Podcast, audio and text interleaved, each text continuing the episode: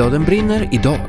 Vi pratar skalbaggar med en succéförfattare. I used to have sprays under my kitchen sink where if I saw something move I would kill it. You know, I really, really hated them.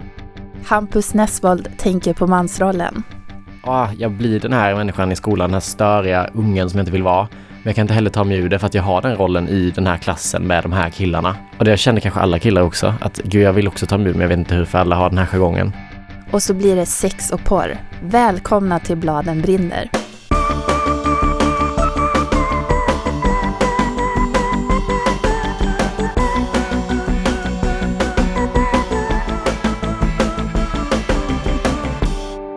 I det här avsnittet ska vi prata om sex och porr i litteraturen. Hur känns det? Jag tycker det känns intressant. Eh, Delvis för att jag själv har svängt ganska mycket i den här frågan, men också för att det har varit helt sjukt mycket diskussioner de senaste veckorna om sex och porr och övergrepp och hela metoo-kampanjen. Verkligen.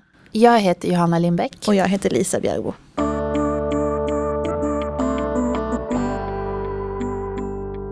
Tidigare i höstas träffade jag Hampus Nessvold för att prata om hans nya bok Ta det som en man. Bara någon liten vecka efter det tillfället drog hela metoo-kampanjen igång. Så om ni undrar varför vi aldrig nämner den är förklaringen helt enkelt tiden för inspelningen. Med den lilla brasklappen avklarad, Hampus Nessvold. Han håller på med en radioserie som heter 22 kvadrat. Han har poddat och jobbat på Utbildningsradion och gjort musik och allt möjligt. Och nu har han debuterat som författare. Ta det som en man innehåller lite olika nedslag i hans liv och handlar om vad det innebär att vara en man idag. Men vi måste börja med den stereotypa traditionella mannen och hur han är. För mig, eh, och det jag målar upp i boken, så är den typiska mannen, den stereotypa mannen i alla fall. Någon som klarar sig själv, som vet och kan, som är stark och stor, eh, som inte tänker, inte är så orolig, som alltid är den trygga liksom, punkten som ska försvara, som kan ta en smäll och ändå ställa sig upp, som inte gråter, uttrycker känslor. Allt det där, ja. ganska kalla, som en slags sten som klarar vad som helst. Mm. Inte går sönder för någonting. Och det är ganska svårt att upprätthålla en sån grej liksom. Och hur orsakar då den här bilden av den stereotypa mannen, vad var det som var skevt i hur du blev eller din bild av dig själv? Vad var liksom konflikten? Men min konflikt var framförallt, jag var i högstadiet så hade jag en väldigt stor konflikt i att jag i skolan var den här machokillen som stökade runt ganska mycket. Typisk såhär grabb-grabb som slängde suddgummi på alla liksom som eh, sprang runt och störde hela tiden, som var högljudd, tog mycket plats, var kaxig. Um, och hemma så var jag världens mjukaste kille som satt liksom med min mormor som bästa vän, som sjöng och hade Carola tapetserad på väggen och sådär. Och de två världarna för mig, i och med att jag var medveten också om att det där i skolan bara var en roll, blev väldigt knäckande. Att jag visste att ah, jag blir den här människan i skolan, den här störiga ungen som jag inte vill vara. Men jag kan inte heller ta mig ur det för att jag har den rollen i den här klassen med de här killarna. Och det känner kanske alla killar också, att gud jag vill också ta mig ur men jag vet inte hur för alla har den här jargongen. Uh, och det tyckte jag var skitjobbigt för att jag kunde inte uttrycka mig på samma sätt i skolan eller med vänner som jag kunde när jag var hemma. Och det kommer jag ihåg typ så här sommarlov som kanske för många är nu är det tio veckor av fri lek, fasen vad kul, nu ska vi springa ut med alla vänner och bara ha det gött. Jag kommer ihåg att det var för mig liksom, nu ska jag gå från skolan och mina vänner i tio veckor, jag skiter i dem. Och så är jag min familj istället och så kan jag vara hur jag vill.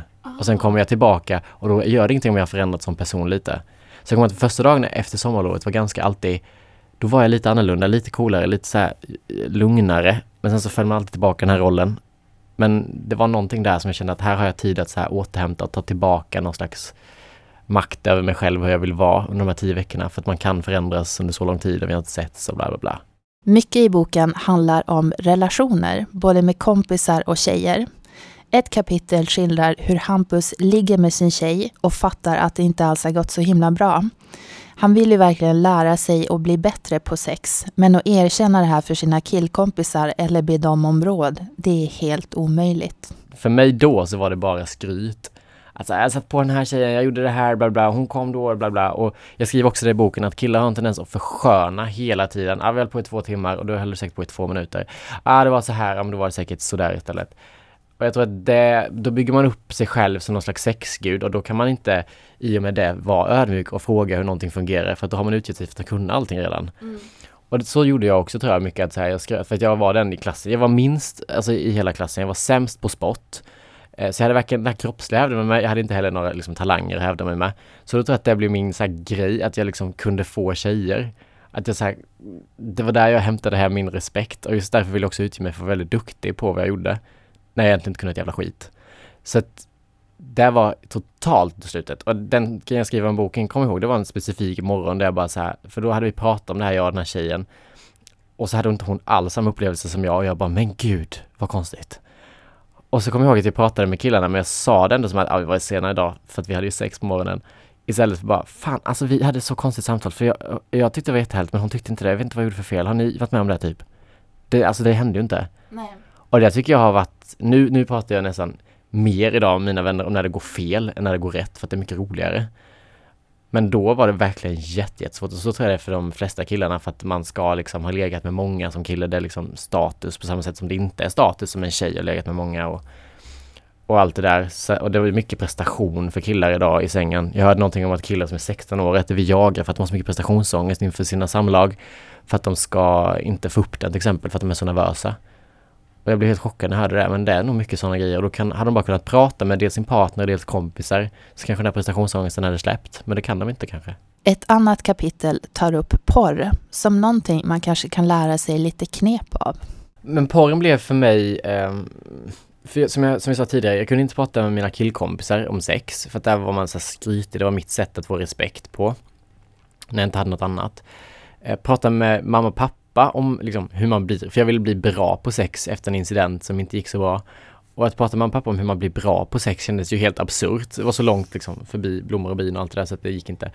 Och sitta på UM och sådär, det gjorde jag liksom lite, men det kändes också så här, vad fan lär jag mig på det här? Och då blev liksom porren enda vägen. För i skolan pratar man ju bara om sex utifrån konsekvenserna som barn och könssjukdomar. Och då är ju porren enda vägen och sättet att så här, få lära sig någonting om sex och det tror jag de flesta killar känner idag. Det är därför den kanske får sånt genomslag. För att det är liksom där, i och med att man inte kan prata med någon annan så blir den liksom, shit här får jag se hur det funkar. Ja. Men jag fattade att det inte var på det sättet det funkade. Det var inte så att jag blev, en, jag blev inte porrskadad på sättet att jag började liksom behandla mina sexpartners eh, med orespekt eller liksom trodde att det var som, så det gick till i porren, att det var så det var i verkligheten. Utan snarare fick det effekten på mig att jag liksom inte gick igång på situationerna i verkligheten för att det var så Det var så graciöst, det var så Det var så tillrättalagt liksom eh, uppskruvat i porren att när man kom till en riktig situation och själv skulle ha sex så var det som att man inte gick igång på det för att det var inte lika hett. Och det är ju också någon slags effekt som inte är så jäkla bra en ganska mild ändå om man tänker på vad det kan bli. För när jag läste en undersökning så stod det att killar börjar kolla på porr när de är nio år. Och porren, de ser ju inte den porren som var förr, där det kanske är en, en stillbild eller något lättklätt eller något så här, utan nu är det verkligen hur man stryper en tjej och hur man liksom eh, slår och eh, faktiskt våldtar i princip. Och om det är första kontakten man får med sex som liksom barn och kille så är det så man tror att det går till och då kanske man tar med sig det in i sängkammaren när man själv ska ligga och så går det helt åt helvete. Mm. Och det är det jag tror är farligt och därför man måste liksom prata om det på ett annat sätt, framförallt i skolan. Jag tänker också att porr kan vara läskigt, att när man ser det för, när man är för ung, mm. att det är äckligt, svårt, det är liksom inte den här positiva bilden av sex. Nej, och det tyckte jag också. Att när man så kollade på porr första gångerna, eh, för då kommer jag ihåg att det var i skolan typ, att någon kille tog upp det på datorn typ.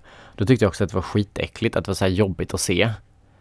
Um, och nu känns det som att den porren kanske inte var, om man jämför med dagens porr, så kanske det inte alls var liksom jobbigt på det sättet och då bara tänker man vad de får se och vad de liksom kanske vänjer sig in och allt som är så här vanliga sökord och jag menar att det för en kille idag inte heller är så här jätte det, det är inte otänkbart att köpa sex. Mm. Det är inte så långt bort tydligen heller läste jag någonstans och det är också så helt sjukt för man har liksom tappat någon slags förmåga att känna av eller verklighetsperspektiv på det. Jag tror bara att man måste avdramatisera hela grejen och börja prata. Jag tror att nyfikenheten på porr kanske dör i och med att man kan prata om sex mer med andra människor på ett annat sätt. Att det blir så sjukt spännande för att det är det här hemlighetsfulla, det är någonting man, man gör själv och det är liksom något lite förbjudet. Och det är ett sätt att, att närma sig sex på som man kanske är mer nyfiken på det på riktigt än vad man får uttrycka sig i andra forum. Alltså du får prata sex på biologilektionen men det är inte på sättet du vill. Mm. Eller med dina killkompisar kanske du får prata om sex men inte heller på sättet där du får liksom någonting tillbaka för det för att där bara skryter man eller vad det nu kan vara. Och jag, jag tror att det kanske på något sätt skulle dö någon slags nyfikenhet om man fick uttrycka sig på det sättet med andra människor. Men jag vet inte, jag har inte svaret på det. Det där var Hampus Nessvold som precis har släppt en bok om sin syn på allt det han pratar om här och lite till. Ta det som en man heter den och det är en personlig faktabok eller diskussionsbok som riktar sig till unga personer från 13-14 år kanske. Sätt den i händerna på din son eller din lillebror till exempel.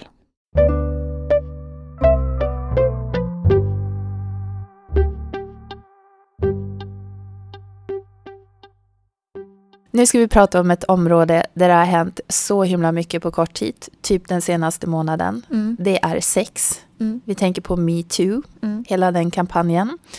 Eh, och den har gjort att, ja, jag tycker att det är en ny värld för både män och kvinnor. Man har fått någonting helt nytt att förhålla sig till. Och det är så konstigt för det är inget nytt egentligen som har kommit fram i den här eh, i alla de här bekännelserna så är det egentligen ingenting som jag har blivit speciellt förvånad över. Nej, gud, inte alls. Men det, vi är förvånade över mängden. Ja. Att det, vart man än tittar är det metoo-berättelser, konsekvenser. Ja, och Ja. alla skitbra diskussioner som ju faktiskt har uppstått efter de här bekännelserna. Att det känns ju väldigt nytt. Mm. Och att det är inte bara kvinnor som diskuterar det, utan att män också har börjat diskutera det Mm. och börjar förstå hur kvinnor lever och har det i många fall. Ehm, ja, men det, det har hänt så mycket på kort tid. Det, det är överrumplande tycker Mm. jag. Eh, och då, en del av detta är ju att man läser gamla böcker med nya ögon. Det gör man ju alltid.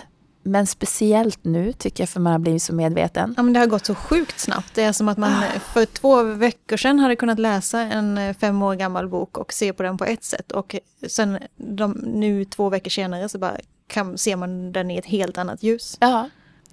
Vi har ett exempel som är en modern, väldigt läst bok som heter Berts dagbok. Ja. Som många har läst i vår generation. Och, Och som många andra. har diskuterat nu ju, i och med den här eh, metoo-kampanjen. Ja, och den är ju en sån bok som kom ut i en anpassning bara häromåret. För att författarna insåg att de kanske behöver modernisera Bert lite grann. Men jag gissar att de behöver moder- modernisera Bert än, ännu mer nu. Att Ja. det räcker inte. Nej, för nu har det ju dessutom kommit vittnesmål i den här metoo-kampanjen om att eh, folk har blivit inspirerade av eh, karaktärer i Berts dagbok. Att Mm. här, man tafsar på tjejer på skolgården Mm. och skriker balla balla efter dem och så. Men redan innan metoo så har det just, det här är verkligen ett område där saker händer väldigt snabbt. Eh, synen på sex och samhällsutveckling och sådana saker.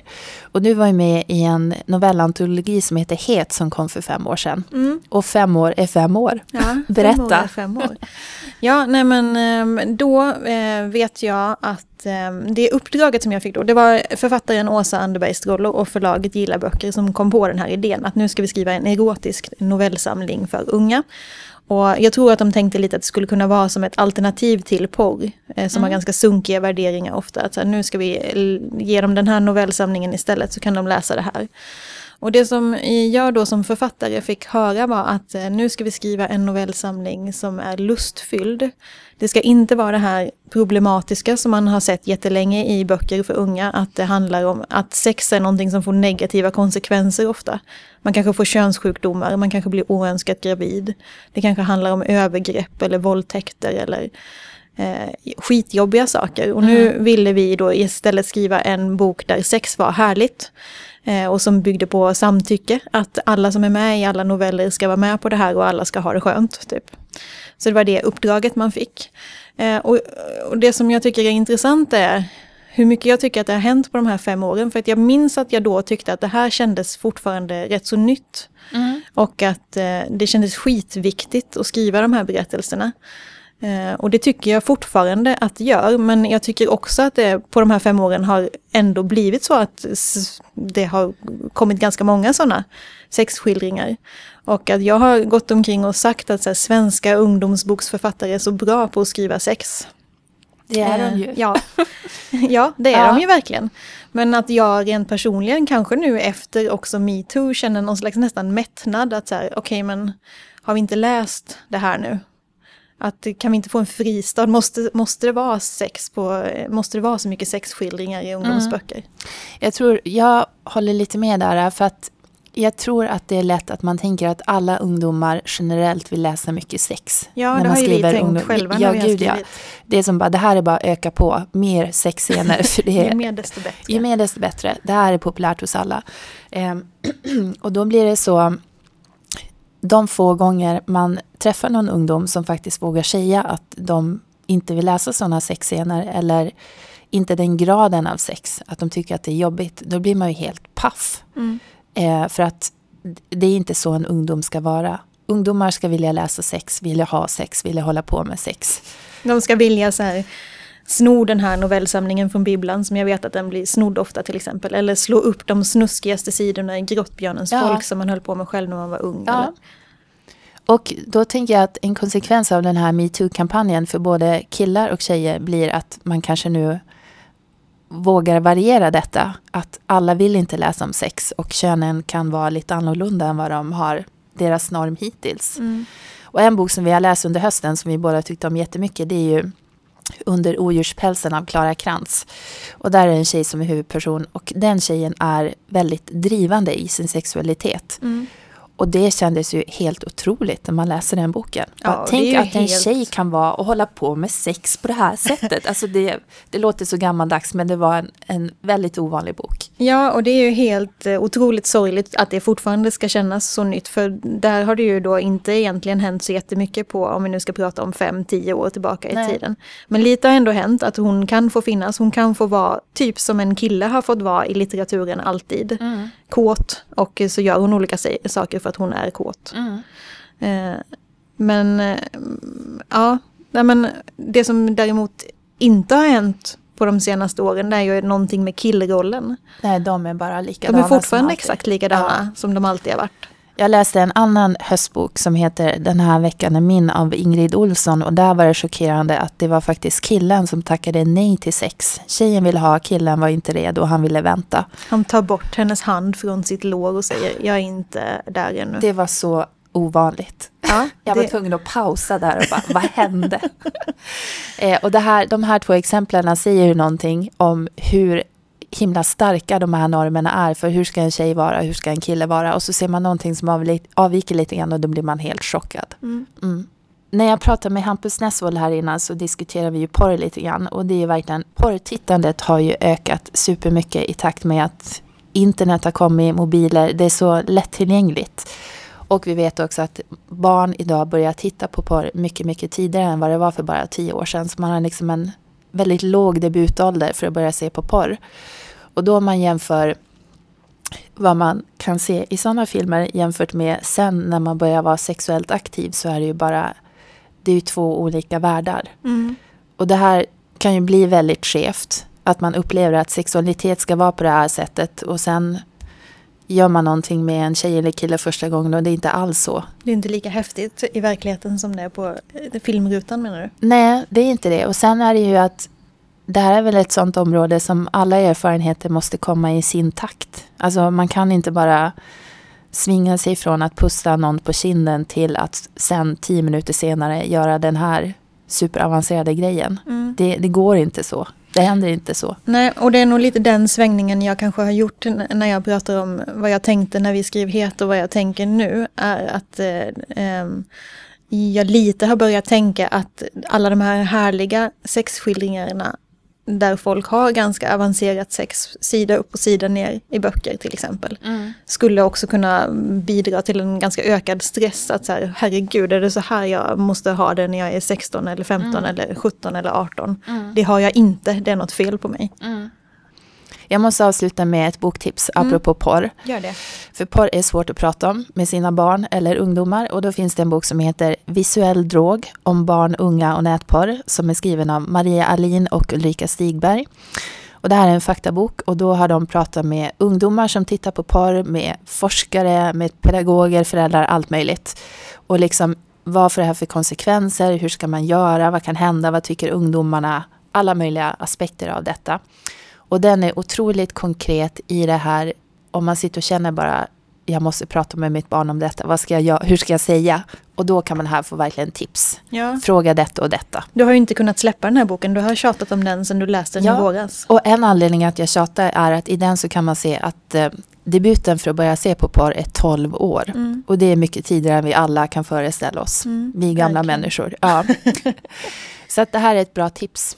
Läs den och få lite hjälp med hur man kan ta upp det här. Hemma eller på skolan.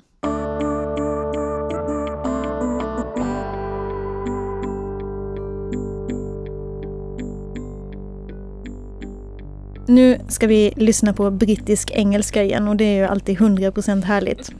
Jag har fått träffa en författare som har gått från att vara rätt så anonym till att bli en bästsäljande talesperson för skalbaggar. My name is M.G. Leonard, and I am the author of Beetle Boy and Beetle Queen, or as you would say in Sweden, Kripp and. Uh, oh, I don't know the other. Ja, Kryp heter den första delen och Krypens drottning heter fortsättningen. Och det här är böcker som är för läsare från nio år kanske. I would describe them as uh, exciting adventures for children um, with a biological fact foundation, as in the adventure that takes place in these stories. Uh, in the first book, uh, Darkus, who is the beetle boy, uh, his father mysteriously disappears from inside a locked room at the Natural History Museum. And nobody can work out how he got out of that room and if he did get out of that room where he could have gone. So it's a mystery. Um, and Darkus sets out to solve that mystery with the help of a rhinoceros beetle. Um, and the adventure is fast paced and quirky uh, and a bit crazy. Um, but underneath it all, the book is written with uh, true facts about the insects. So after I have finished writing the story, I give it to an insect scientist, an entomologist, and she proofreads the whole thing to make sure that all of the facts about the insects and the beetles and the way they're described uh, are accurate. So it's a, it's a combination of fiction, adventure, uh, and non fiction fact about the creatures. So why beetles? Well, I discovered, uh, much to my horror, um, I've always been scared of insects all my life. I've been very uh, frightened, almost phobic about creepy crawlies. Um, and I was writing something else, and I was going to make the creepy crawlies be horrible and disgusting and, and scary. Uh, and so I started to research them so I could describe them accurately. Uh, and I realized that. Um, I was very ignorant, that I didn't understand the creatures, that I didn't know anything about them. Um, and the creature that fascinated me the most was the beetle. I didn't realize that it is the most important creature on the entire planet um, in the number of jobs that it does to help the ecology of the ecosystem. So, beetles pollinate more plants than any other creature, more than bees or moths or butterflies. Uh, and beetles also break down animal waste um, and all kinds of waste, actually, and make the soil rich and feed and fertilize the roots of a plant. Um, and they do lots of amazing other jobs as well. Like if a creature dies in the forest, it'll be beetles, um, you know, will pull it apart and eat it, digest it, and again recycle it. Uh, and I started to discover that they are really the heroes of the planet. Um, and I thought, this is terrible that I was going to make them be bad. Uh, in my uh, story originally. So I thought there must be some really great stories out there that, that tell the true hero- heroic nature of the beetle. Uh, and I went to the British Library, which is the biggest library we have in England, with every single book that's ever been published in English.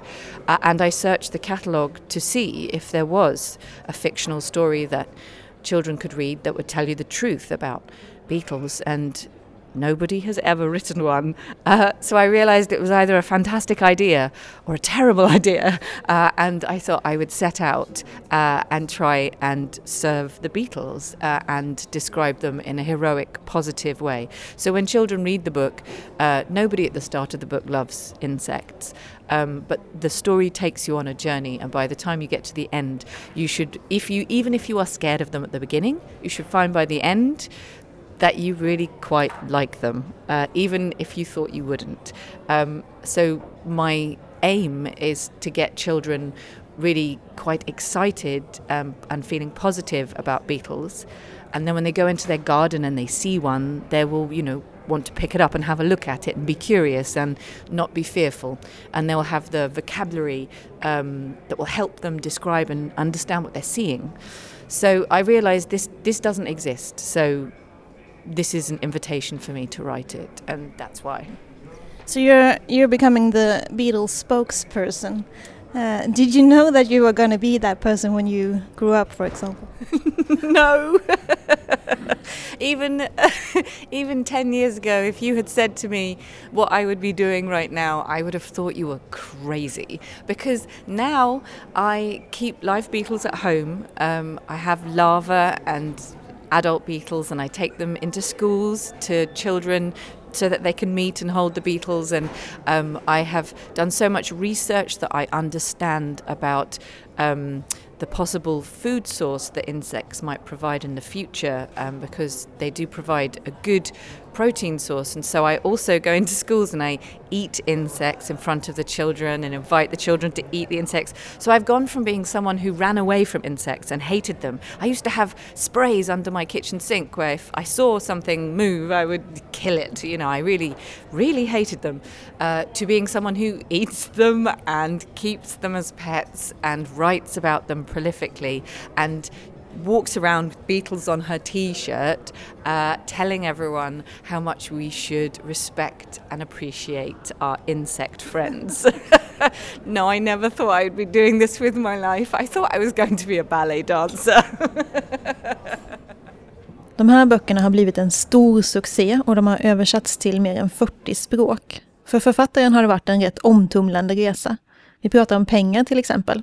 I bokvärlden får man sina royaltybetalningar så långt efter själva arbetet med boken att MG Leonard fortfarande inte vet när den här intervjun görs om hon snart kommer att vara fruktansvärt rik eller om hennes ekonomiska förutsättningar kommer att fortsätta vara ungefär som de varit hittills. Sådana som hon behöver låna pengar från alla släktingar för att ha råd att köpa sig skrivtid. Kryp var hennes första försök att skriva en bok. Och det var inte alls självklart att den ens skulle bli av. Yeah, I'm a mum. Um, I have uh, now I have a 12 year old and a 4 year old. But when I was writing the first draft of this book, uh, my 12 year old was uh, six, and he always used to get up with the sunshine. So at six in the morning, ding, he was wide awake and he wanted breakfast and you know attending to. Um, and I had originally started trying to write the book in the evening once I'd put him to bed. But, you know, I have a full time job, I'm a mother. I, you know, by the time I'd put him to bed, I was so tired, uh, mentally fatigued, physically, you know, falling off my chair and just clinging onto a glass of red wine. So everything that I wrote was terrible. Um, and then uh, I realized that the only time of day when I wake up and I have all my mental facul- faculties, you know, sharp, uh, was the morning. Um, and the only way that I was going to get any space or time in the morning was to get up before my son. So it, it had to be five o'clock in the morning. But then I would get an hour to myself. Uh, and I would just write as fast as I could to get as many words down as possible. And I was really surprised at the difference in quality behind, between evening writing when you're tired and morning writing when you think you're not awake, but actually I, I could produce twice as much and twice as good. So I do recommend that to anyone who is struggling to find the time, even if it's only half an hour in the morning. If you can carve it out for yourself, that's the best time to write. Nu är det tänkt att det här ska bli en trilogi och huvudpersonen är 13-åriga Darkus. The theme of all three books is uh, is children's relationship with the natural world, um, and in the future, you know, what they want that natural world to be. We are living in a time of mass extinction of many creatures, um, and it is the next generation who will fight to save what we have left of our natural world or not. Uh, and so it's very much the journey that Darkus is going on to discover that relationship and what kind of a grown up he wants to be. Det där var M.G. Leonard och de två första böckerna i den här serien finns på svenska redan. Kryp heter den första och Krypens drottning heter den andra.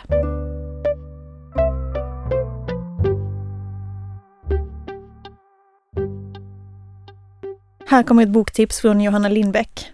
Mördarmormor av Petter Lidbeck. Vi älskar ju Petter Lidbeck. Vi älskar Petter Lidbeck. Ja. I den här boken som är en 68-bok så är det liksom en skröna om en mormor. Hon, har inte, hon sitter barnvakt, hon har glömt sina glasögon så hon kan inte läsa en bok och därför får hon istället berätta någon historia. Och då börjar hon berätta om när hon har mördat människor. Hon bara tappar det helt Mm. och eh, ja. Och då är barnen först bara, nu skojar du, du ljuger, det här har inte hänt. Men liksom hon berättar vidare och sådär. Och den här boken, den är asrolig, man skrattar högt rätt ut. Den är så himla kittlande och rafflande och helt otrolig. Och samtidigt under det så kryper det sig in väldigt mycket allvar. Liksom vad är det för historia hon berättar? Och jag tycker att den blir, den är så här Peter Lidbeck-essensen.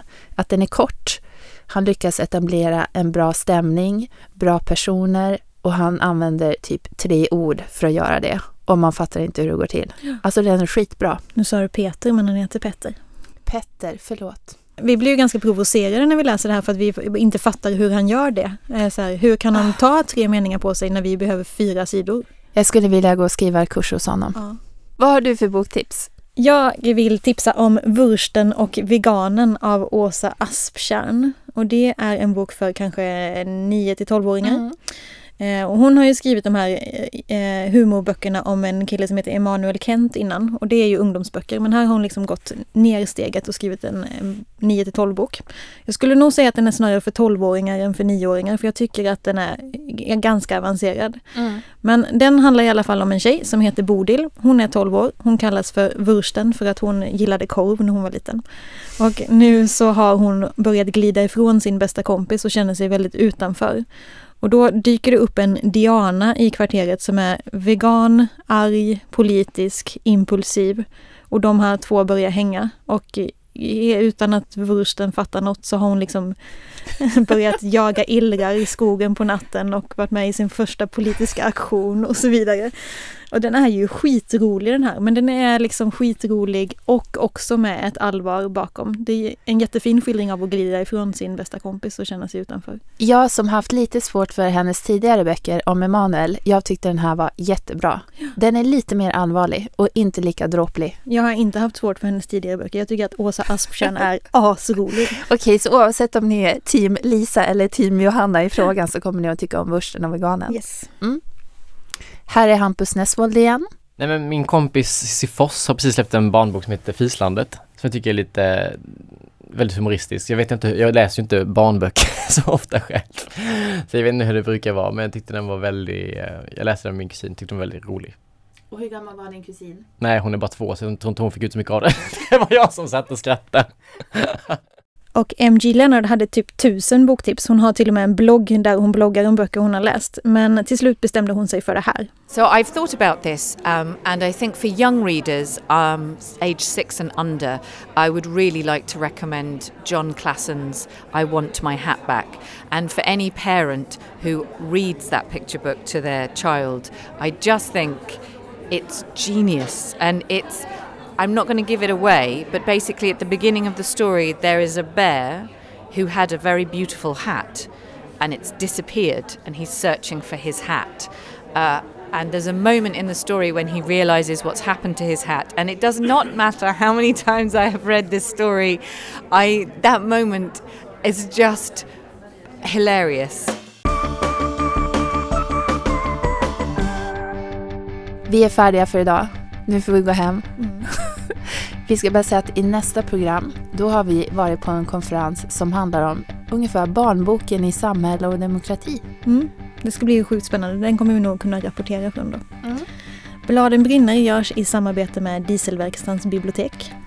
En lång rad bokförlag och de heter Rabén och Sjögren, Bonnier Carlsen, Alfabeta Opal, Lilla Piratförlaget, B. Wahlströms, Bergs Bokförlag, Nypon förlag och Natur och kultur. Tack alla ni! Tack också till Gustav Edman på Fabel som har producerat och till Håkan Lidbo som har skrivit musiken. Om ni får feeling nu när ni har lyssnat, gå jättegärna in på iTunes och recensera Bladen brinner där.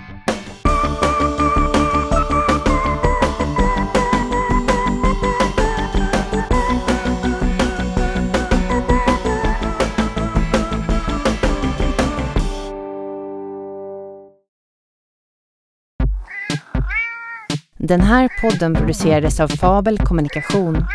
Läs mer på www.fabel.se.